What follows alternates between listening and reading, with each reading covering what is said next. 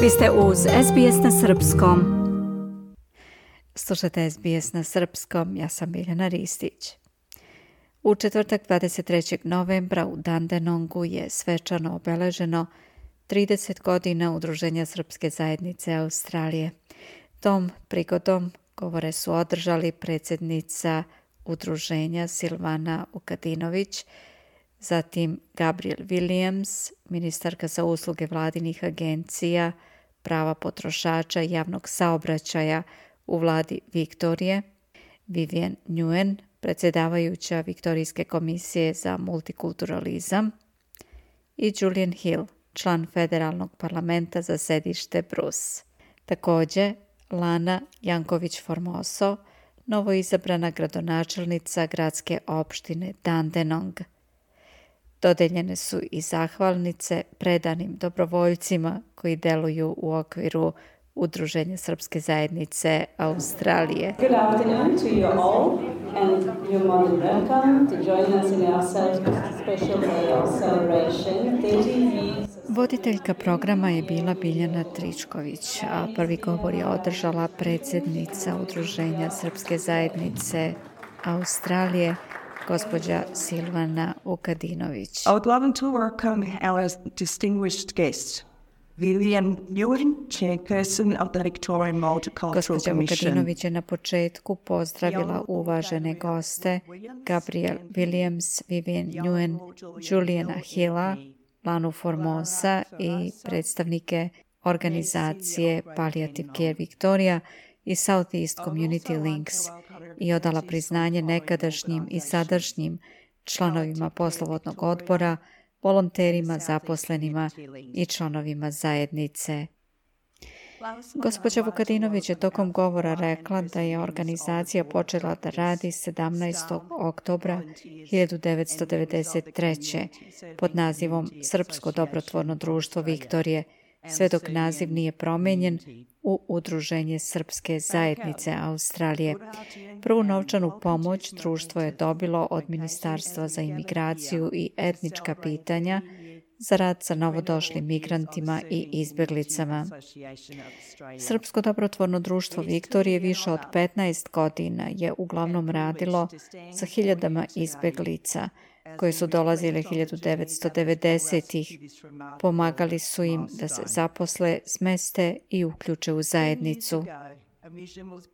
Krajem 1990-ih humanitarni program u okviru kojeg su izbjeglice dolazile je dostigao vrhunac, a posljednji talas izbjeglica srpskog porekla bio je između 2001. i 2006.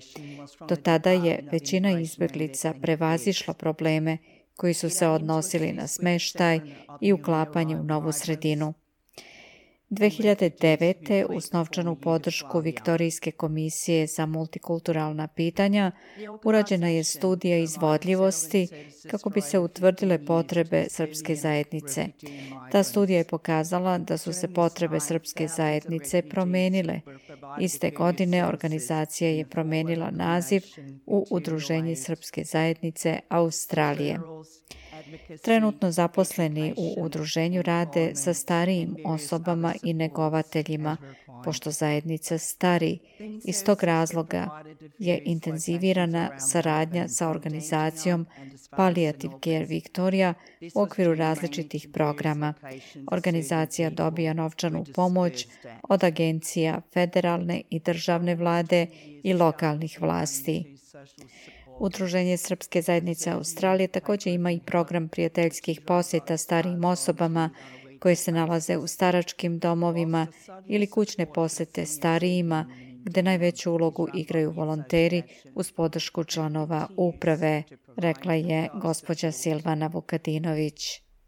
Gospođa Gabriel Williams, ministarka za usluge vladinih agencija, prava potrošača i javnog saobraćaja u vladi Viktorije, podvukla je da su godine utrošene u gradnju jake srpske zajednice u području Dandenonga. I always feel a, particular connection to our Serbian community, partly because, and I tell this story often, when I was growing up, I had a pen pal in Belgrade.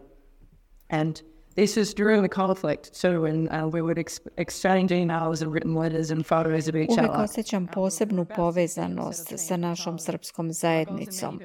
Ne pričam to često, ali kad sam imala oko 16 ili 17 godina, imala sam prijateljicu u Beogradu. Za vreme ratnog konflikta razmenjivale smo e-mailove a prvi put sam se sa njom srela kad sam imala 36 godina, kad sam otišla u Beograd. Ostale smo u kontaktu, a tokom života ovde u Melbourneu sam sklopila mnoga prijateljstva u okviru srpske zajednice. To zaista doprinosi osjećaju povezanosti sa zajednicom ovde. Zato sam zahvalna organizacijama kao što je Udruženje Srpske zajednice Australije koje daje veliku podršku ljudima tokom dugog vremenskog perioda.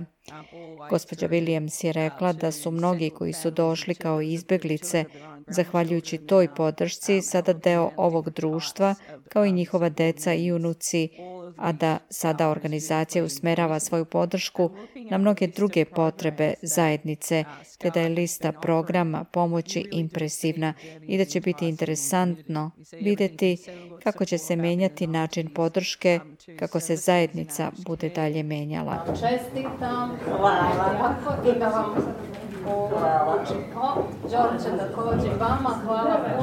Koordinatorka Udruženja Srpske zajednice Australije Marina Čelebić je zatim dodelila zahvalnice predanim dobrovoljcima koji deluju u okviru udruženja.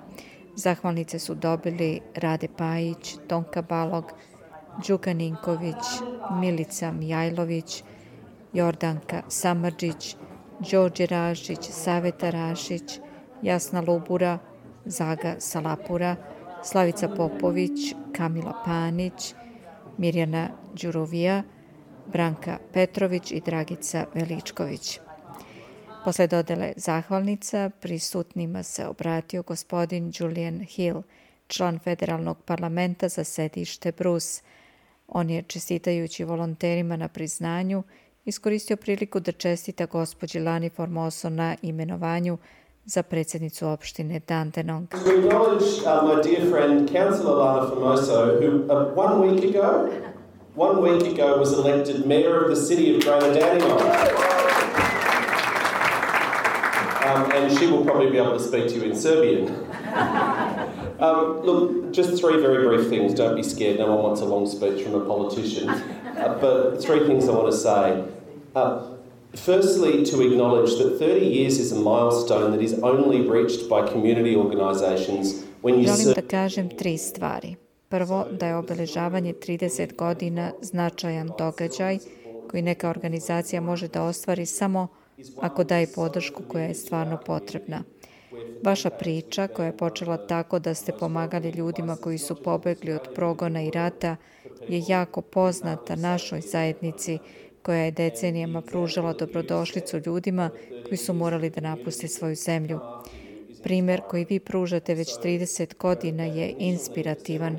Također vaša vizija da prilagođavate svoje usluge zajednici koja stari i menja se. Druga stvar je da želim da kažem veliko hvala, pošto vlade, bilo kako da su dobre ili loše, mogu pružiti određenu pomoć, ali je potreban rad organizacija iz zajednice, potpomognutih volonterima, ljudima koji će ustati sa kauča i dobrovoljno dati svoje vreme da pomognu drugim ljudima kako bismo bili jaka zajednica. I treća stvar je da želim da kažem koliki doprinos su Australijanci srpskog porekla dali i nastavljaju da daju i da budu deo našeg nacionalnog života. Ne može se zamisliti multikulturalna zemlja bez srpskih australijanaca koji prenose jezik i kulturu sledećoj generaciji. No matter how much government can uh, do, at the end of the day, how we feel belong, how we are part of each other's lives. Gospođa Vivian Nguyen, predsjedavajuća Viktorijske komisije za multikulturalizam, također je rekla da bez obzira koliko vlada može da pomogne, način na koji ljudi postaju deo zajednice je rad svakog pojedinca koji omogućava da se ljudi sastanu, pričaju, pomognu jedni drugima i budu inspiracija budućim generacijama, ne samo srpske, već i drugih zajednica. Vivian je na svom Facebook profilu uz album sa fotografijama koje je ona lično snimila, napisala da je tokom 30 godina Udruženje Srpske zajednice Australije u Dandenongu proizvelo milione sati dobrotvornog rada, iznedrilo mnoge neopevane heroje i stvarne talente, kao što je gospođa gradonačelnica Dandenonga Lana Formoso. A posljednja je govor održala gospođa Lana Janković Formoso, novo izabrana gradonačelnica gradske opštine Dandenong. Um, however, in the, the Serbian language, we like to say dobar dan i dobrodošli. So, I thought I'd throw that in. Um, so as the newly elected Kao prva ikad izabrana srpska žena predsjednica opštine Dandenong, apsolutno sam oduševljena da budem večeras ovde. Također da spomenem i Ranku Vasić koja je po drugi put izabrana za gradonačelnicu gradske opštine Brimbank. Lepo je vidjeti da su srpske žene uspešne. Um, so it's, um, good to see us Serbian women um, making our way up um, the ranks. So, really, congratulations to her as well. Um, you may have been a little bit confused because my name is Lana Formoso. Možda je ispunjujuće da je moje prezime Formoso, ali to je zbog toga što sam se udala. Moje devojačko prezime je Janković. Lana je zatim rekla kratko o sebi, čestitala jubilej i rekla više o programima koje vlada finansira, uključujući pomoć srpskoj zajednici.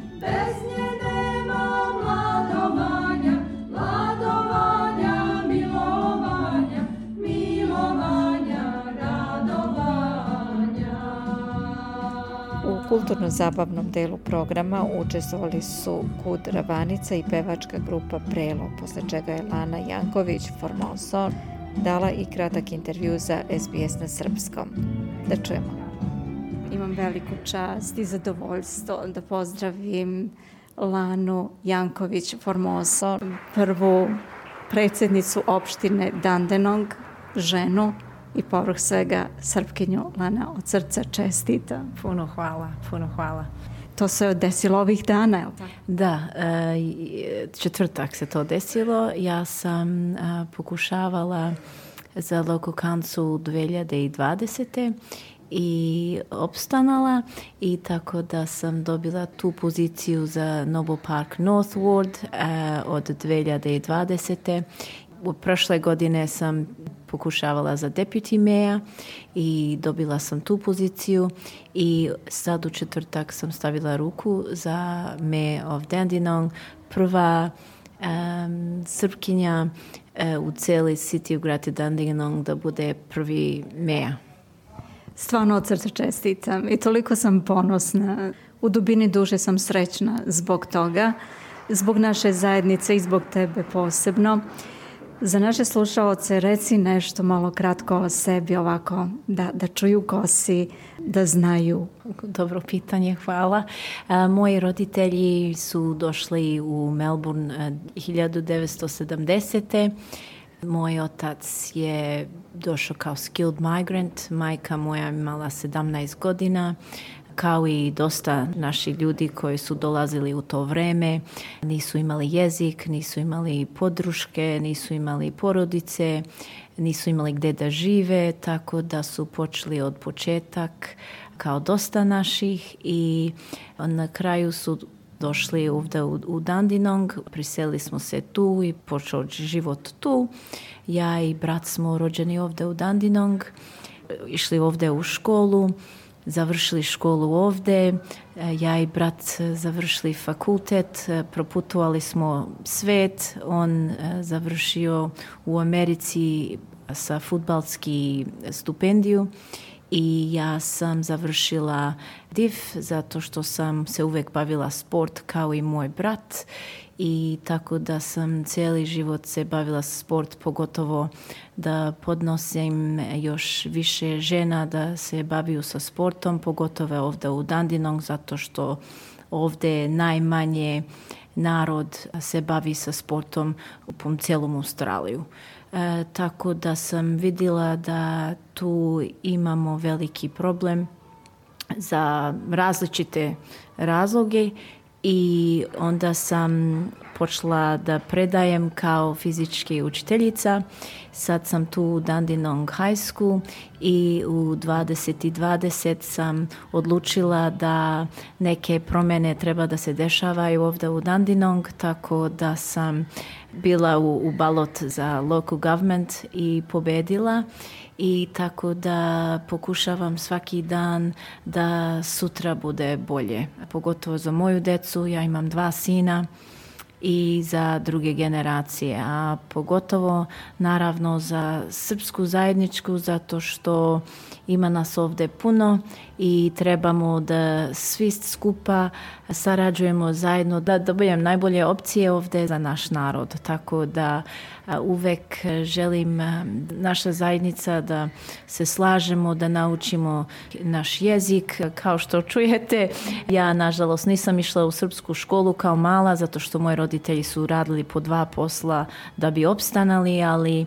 ja sad pokušavam da naučim moju decu da oni idu u srpsku školu da bi nasledili jezik i našu kulturu i našu hranu što obožavaju, mogu da kažem, ali mislim da je to jako, jako bitno.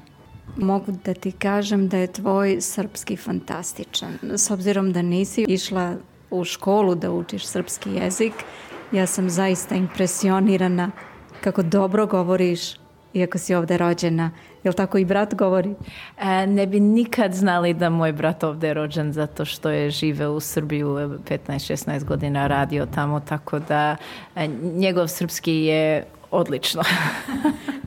Tvoj je odličan, a njegov je super, jel Rekla si da i tvoja deca idu sada u školu srpskog jezika. Gde idu?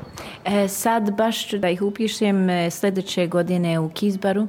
Želim da pitam kogod živi u okolini da i oni pokušavaju da zapitaju svoju decu i unučad da i oni počnu da nauči jezik zato što stvarno vidimo da manje i manje naših e, ljudi daju tu priliku našoj deci.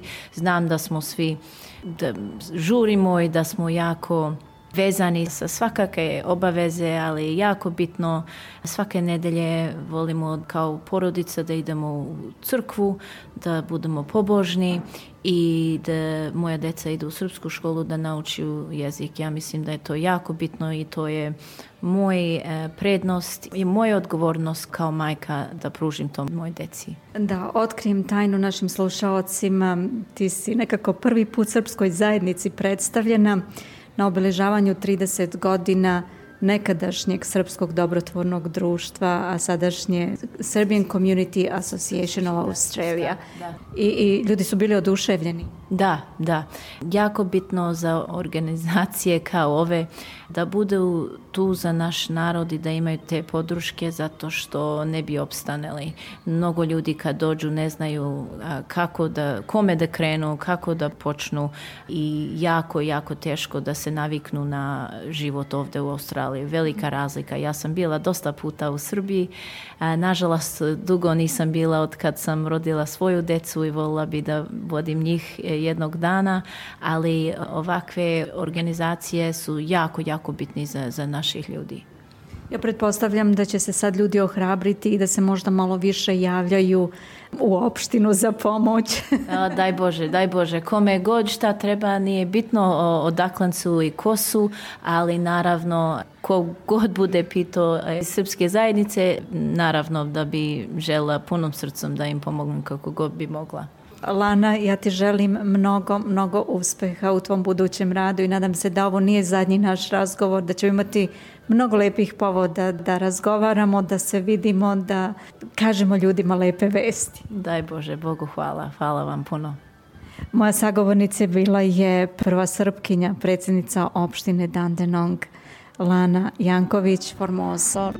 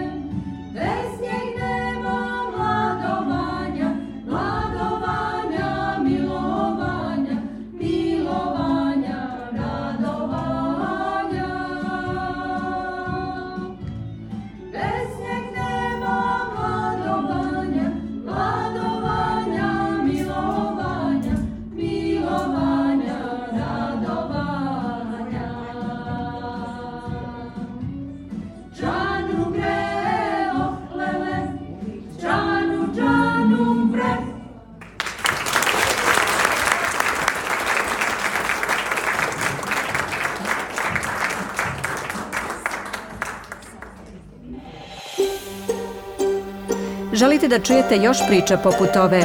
Slušajte nas na Apple Podcast, Google Podcast, Spotify ili odakle god slušate podcast.